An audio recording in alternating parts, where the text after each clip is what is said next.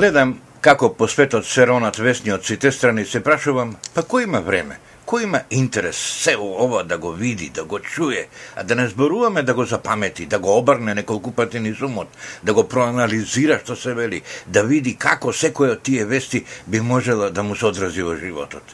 Ми излегуваат пред очи слики од она дамнешно време кога го служува кадровскиот рок во, во армија, а есен, паронат, тополите бакар, злато, рđосано железо од секакви лисија, а војската наведната ги собира, ги дене на некакви жици, сосема бадијала, паѓаат нови и нови и нови. Постојано. Така и овие од стейт департментот на Кодолеца Рајс. Македонија, па Македонија. Сега Македонија била кабајат за трговијата со бело робје. Девојчиња, млади мајки, грабани, газени, гризени, силувани во Велгошта не сме запирале да ги однесат овде, во Холандија, во едно место, Бамбруге, со велосипед се оди него до мене, крепоста на макроите на злочуениот црвен кварт на Амстердам. Па што не земе код далеца да се напие еден чај од трева стискавец и да им се истори на дачобеве да земат, да расчистат овде, тоа курве раите и копишоповите и да не се прават недоветни дека многу притисок имале од Источна Европа, од таму доваѓале овие девојчиња осакатени во животот. Па и ние кабаје заради тоа. Кај нас никнело целото белоровје за овдешните холандски макрои. Маме ве молам, ова, ова на ништо веќе не личи. Никако не сакам да кажам дека нашата полиција треба да гледа низ прсти на оние гангстерски банди, на разни избеснати бесници. Не, ама што не ги носат тие бесни бесници, оние јадни девојчиња во Ватикан, во Света Гора, ене го кај Халкидик у Грција. А и таму има мажи што не виделе женско со години, па може би и повеќе ќе платат отколку овие си санивени за Амстердам. Не оди така, а? Па јасно дека не оди. Не проеѓа таа стока, таа унесреќена секс бела робинка во Ватикан и на Светагора или таму во Ријат или во Ком, кај беше тоа во, во Иран, зашто тие таму машките се поинакви. Па што не зема да направат да не проаѓа продажба на женски ниво Холандија? Јас уште порано се залагав Европската Унија да заведе евромаршали, како оние федерални шерифи низ Америка, полиција која може да влезе во секоја земја членка и кандидат членка на Унијата и да ги испоуапси таму тие бесни бесници по охридските села и здраво догледање. Со првиот авион полицајците назад, а гангстерите во Шевенингемато или во тоа американската база на Куба па нема бегање, па нема ни судење, па држи ги колку сакаш, додека не си си сето ѓубре од Европа со тоа Белоробија. Гледам, Дневник отвора нова мала наша афера во Нью-Йорк. Темата е Македонскиот културен центар на Манхетен. Сега слушаме дека тоа било руинирано, запуштено место, без никаков културен идентитет и дека владата залудно трошела пари за него станува збор за галеријата МЦ, демек Македонски центар, на површина од околу 500 квадратни метри. После од текстот се разбира дека таа дупка еј таму од септември 2004 година функционира како Македонски културен центар и дека ова е проект на тогашниот министер на култура Благоја Баге Стефановски и дека со многу таламбаси тој истен ист центар го отвори, ако не се мамам, шефот на македонската држава, господин Бранко Црвенковски. Па тоа значи дека она предходната влада, она на СДСМ одобрила секој месец да се плаќа кирија од 4500 американски долари за тој културен центар. Весна Ивановска вели дека лани таму биле представени само 20 автори од Македонија и дека заедно со месечната кирија од 1500 долари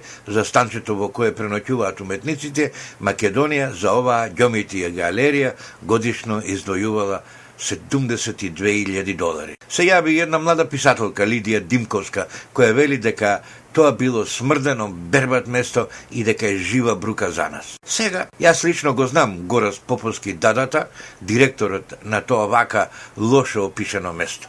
Не само него, туку и татко му, одличен скулптор и тивок, благ човек. И мајка му ми била професорка на факултет, а и поранешната негова сопруга, пианистка која има освојувано награди на конкурси во Њујорк. Сум им бил дома и ми биле дома. Нема да им ги споменувам мињето, затоа што не бива да се малка во оваа несаглам работа, но сакам да кажам дека го знам целото тоа семејство и тие луѓе се ептен на место. Меѓутоа, може Мариот Гораст Поповски да е талент на татка си за скулптура, ама да не го бива за менеджер на Македонски културен центар или за галерија. И уште толку пари да му истурат, и уште толку луѓе да му дотурат, може би човекот не го бива за тоа. Па тоа не значи дека не чини проектот за 3300 евра, 500 квадратни метри галериски простор на Манхетан ве молам. Тоа му доваѓа 6-7 евра месечна кирија по квадрат. Па е не на бит пазар. Повелете, најдите шупа да продавате мекици или бурек со спанач за тие пари. Нема. Па нормално дека нема. Мала е киријата, а не пак за тако простор во зграда во која што се наоѓаат два театри и СРД Манхетан папокот на светот што се вели. Имаше еден виц на времето за жестока расправија на собир на работните луѓе на некоја фабрика таму, не одела работата, сите дискутираат, предлагаат нови технологии да се воведат, те требало ова, те требало она, те ново ова, те ново друго, крева лакат таму некој и саман да почне да каже пред војната тетка ми ќе му згрмат луѓето од сите страни. Молчи, тука сериозни работи разговараме, фирмата ни пропаѓа, а ти пак тетка ти од превојната. По некое време тој истиот повторно крева рака, тие пак заприго. На крај, кога немало веќе дискутанти, го пуштиле да се доизрече, па кажал, пред војната и тетка ми држеше куплерај. Па кога не ќе одеше работата ги менуваше роспиите, а не креветите, како вие овде. Така и со Македонскиот културен центар. Па смените го гораст од директор во советник, демек уметнички советник, зашто без него нема простор. Наредете му на амбасадорот Јулевски да стави друг човек, да најде човек со програма и со доверба дека ќе истурка програмата. Наредите да има конкурс за 12 изложби, па кажи ни после на сите во Македонија, еве галерија во Њујорк, каде сте уметници, повелете, дојдете. Меѓуто секој уметник треба да се прати авионски билет до таму, ако не сака да плива преку Атлантикот, и да си плати превоз на сликите до таму. Така тоа оди. Другото е фрај. Значи, Сосема друго 20 е тоа што таму секонците во таа галерија, во тој Македонски културен центар, толку исплеткани, што мајстори како Медо Тозија и Баге Степановски така ги имаат изјазлено работите, што е подобро да ви кажам да го баталите ова. Води во голем батак. Па тие двајцата Медо Тозија и Баге Степановски со Никола Димитров како амбасадор го насадија шефот на државата Бранко Црвенковски да го отвара овој ист македонски културен центар среде Нью Йорк. Не јас, не вие, а сега брука. Брука ми како? Пред години кога мојот професор по математика Ацо Николич ќе видеше дека бион, биномот нема да може да го истера до крај, ќе речеше деца, пишите таа задача нема решение. Така и со ова. Нема решение. Жално, ама вистинито. Ако ви беше ова малку, ебе уште една фина жална тема. Гледам, главната уредничка на белградска политика Лилјана Смајловиќ го читала во Нью Йорк Таймс, значи чита в светски вестици, полскиот дисидент Адам Михник, кој ја уредува Варшавска газета Виборча. Во текстот, господин Панот ги направил своите мади маскара, им ги историл сите глупости поред у очи пред американците и тоа најотворено. А меѓу другото го прогласил полскиот закон за лустрација како најголемо зло на нивната земја.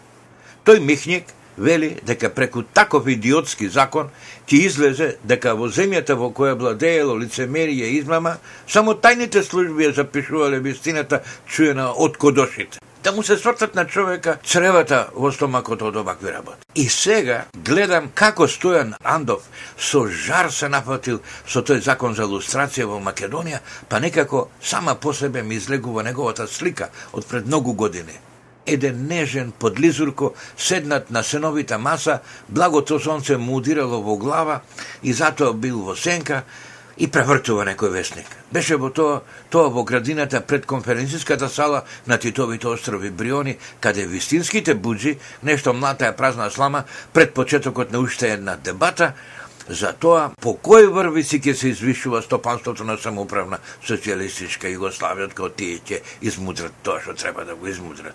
Беа живи и Тито и Лазо, ама тогаш на тој собир главен беше Едвард Карден.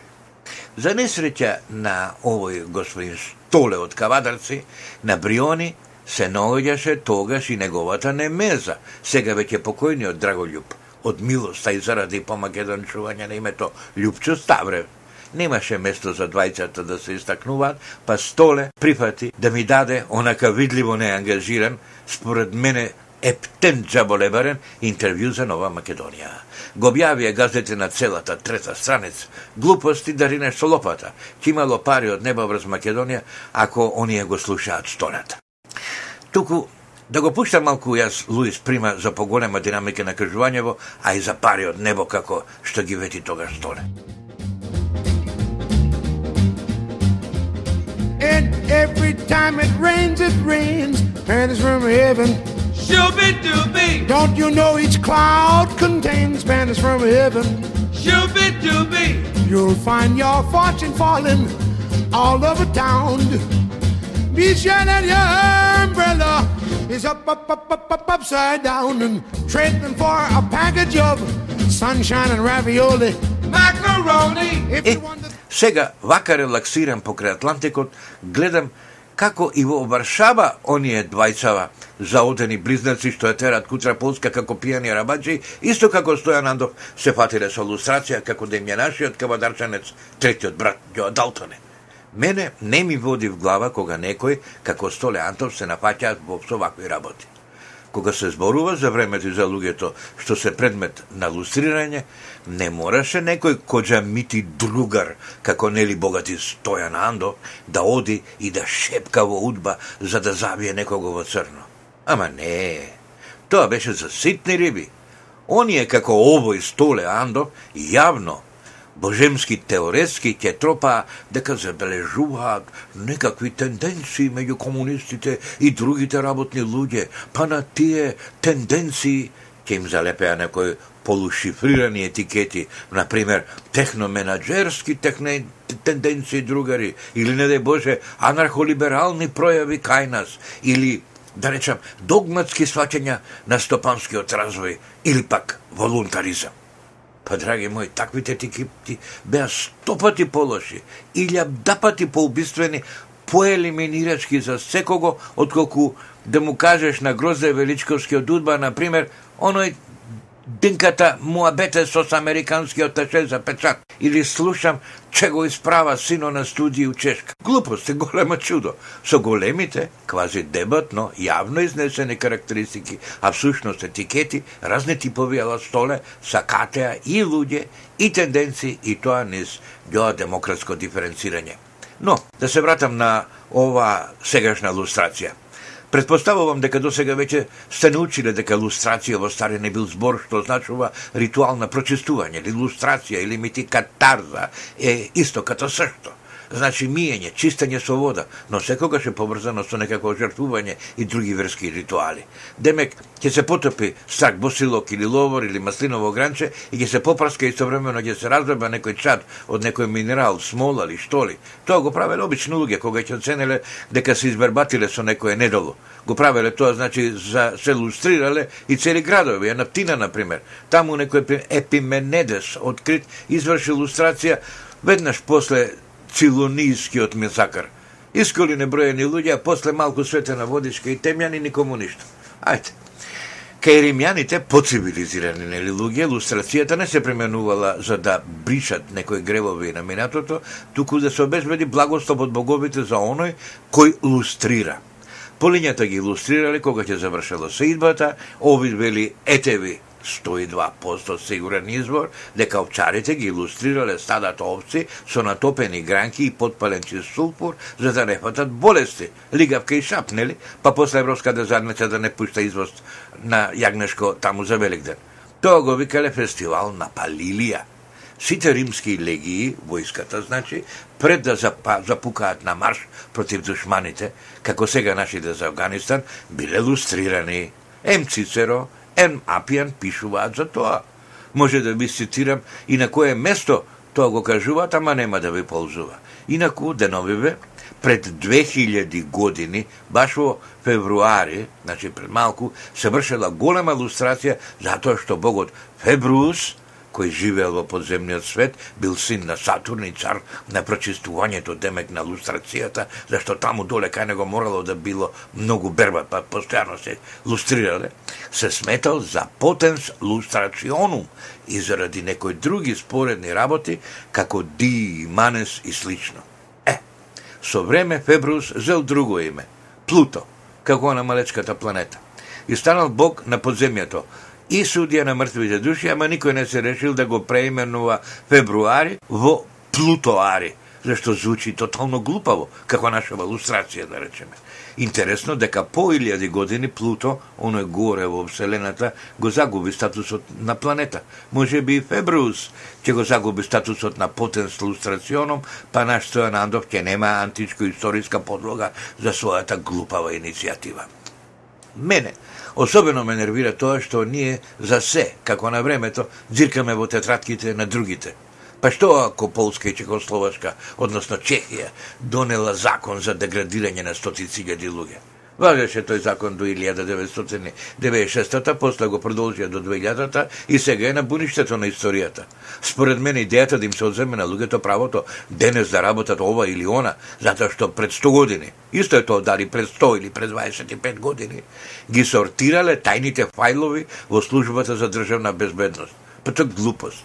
И не само што ги сортирале, еве да речеме, и да ги анализирале. Од каде тоа е активно таквата работа да се прокласува казнева? Од каде до каде, што и да е ретроактивно правно дејство да се прогласува а, некаснево.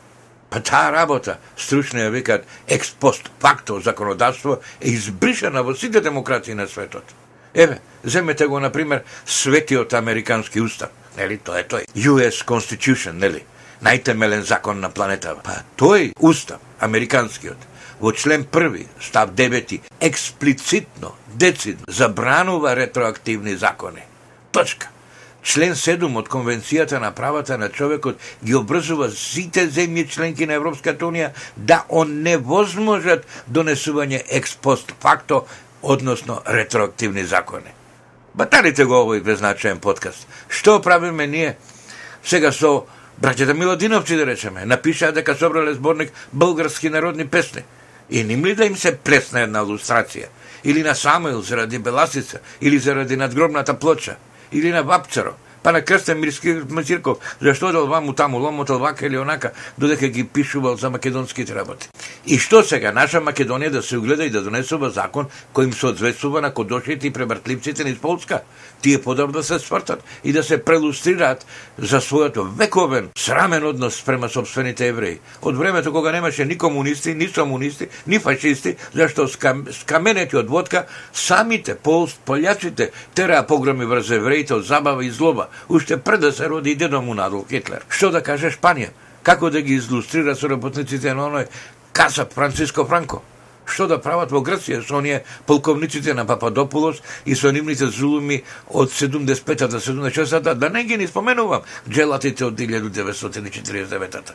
Па таму треба да лустрираат, па да чадиве цела Европа.